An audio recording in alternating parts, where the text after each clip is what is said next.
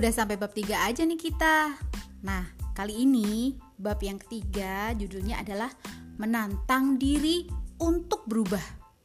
Buset dah, dia mau ngapain lagi nih? Menantang diri untuk berubah.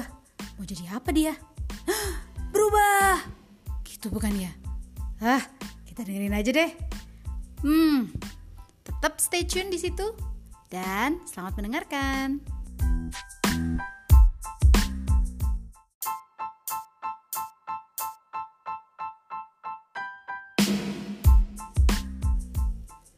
Jangan takut menghadapi tantangan. Sebelum memulai sesuatu, jangan merasa takut terlebih dulu.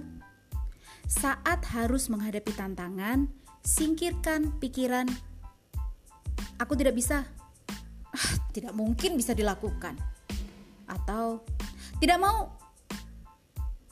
Cobalah berpikir, "Aku bisa," atau "Pasti bisa dilakukan."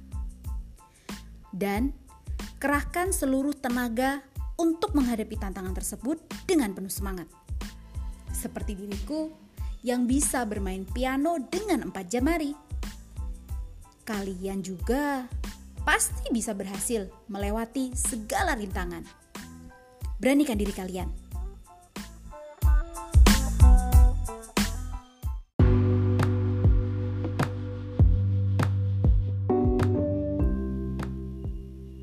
Tepuk tangan untuk ibu. Pada suatu hari libur, aku mengeluarkan album foto untuk melihat foto-foto lama penuh kenangan. Tiba-tiba, aku melihat satu foto orang yang tidak kukenali. Hmm, orang di foto itu ternyata ibu yang berwajah sembab. Ibu, kenapa foto ibu begini? Foto apa? Selesai mencuci piring, ibu duduk di sampingku sambil tersenyum. Aku menunjukkan foto itu dan bertanya lagi kepada beliau. Kenapa wajah ibu sembah begini? Karena ibu sering menangis saat mencoba merawatmu. Mencoba merawatku. Aku menatap ibu dengan ekspresi bingung. Sekarang Hia sangat disayangi kerabat dan orang-orang lain, bukan? Tapi saat kau baru lahir, keadaannya tidak seperti itu. Bukan karena mereka tidak menyayangimu, hanya saja hidup sebagai penyandang cacat di Korea sangat sulit. Aku menatap ibu dengan serius, seraya mengangguk. Jadi, dokter dan kerabat kita berencana mengirim Hia ke luar negeri untuk diadopsi agar Hia bisa hidup bahagia. Kata mereka, negara seperti Selandia Baru atau Kanada lebih bersahabat bagi penyandang cacat. Wah, benarkah? Iya ya. Apa kau mau diadopsi ke Selandia Baru? Aku mengibaskan tangan sambil berteriak, "Ah, tidak mau. Sama sekali tidak mau." Benarkah? Sambil tersenyum, ibu berkata, "Walaupun ibu yang melahirkanmu, ibu tidak bisa langsung melihatmu.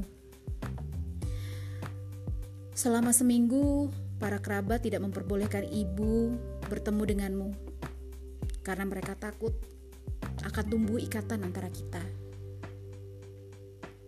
Jahat. Masa ibu tidak diperbolehkan melihat bayinya sendiri?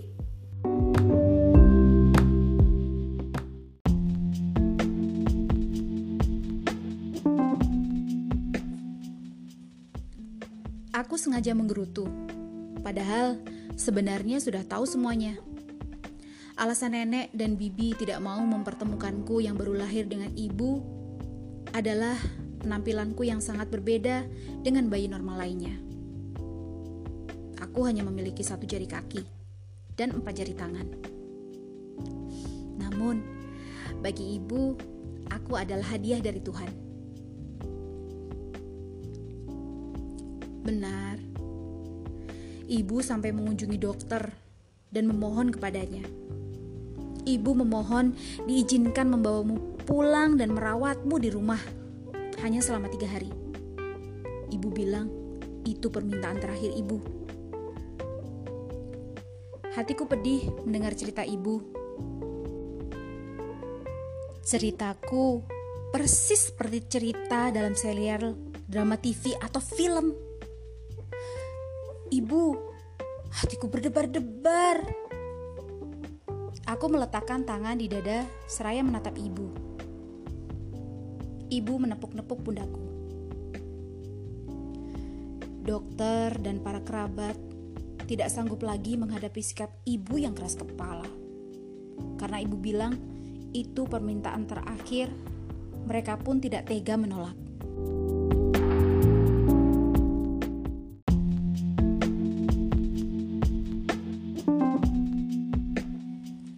Lalu, lalu apa yang terjadi padaku? Ibu membawamu pulang dari rumah sakit Busan. Sebenarnya, ibu seharusnya membawamu ke rumah nenek yang juga berada di Busan. Tapi ibu malah langsung pergi ke bandara. Ibu membeli tiket pesawat ke Seoul. Wah, ibu benar-benar hebat. Tapi ternyata ada masalah ya. Waktu itu, kau belum lama dilahirkan. Dan mereka bilang, bayi yang baru lahir tidak diperbolehkan naik pesawat. Ibu begitu putus asa dan cemas. Akhirnya ibu pergi ke kantor penerbangan. Di sana, ibu menulis surat perjanjian bahwa ibu akan bertanggung jawab penuh seandainya ada masalah nanti.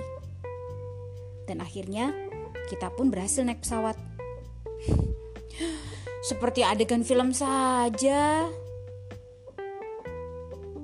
Ini situasi yang lebih menegangkan daripada film. Kabar bahwa ibu melarikanmu diketahui para anggota keluarga dan langsung terjadi keributan. Ibu. Saat itu, ibu hanya memikirkan cara melindungimu. Seandainya saat itu ibu tidak nekat membawa Hiah ke Seoul, apa yang akan terjadi?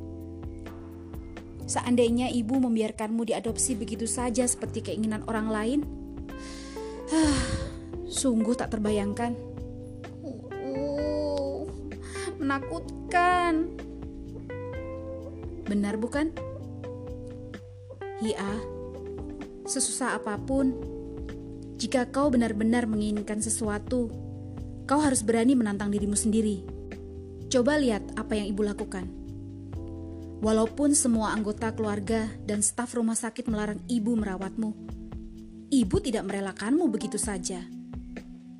Ibu menghadapi semua tantangan sampai ibu bisa hidup bersamamu. Berkat itu, bukankah sekarang ibu bisa hidup bahagia bersama putri ibu yang cantik ini? Kia, kau memahami ucapan ibu, bukan?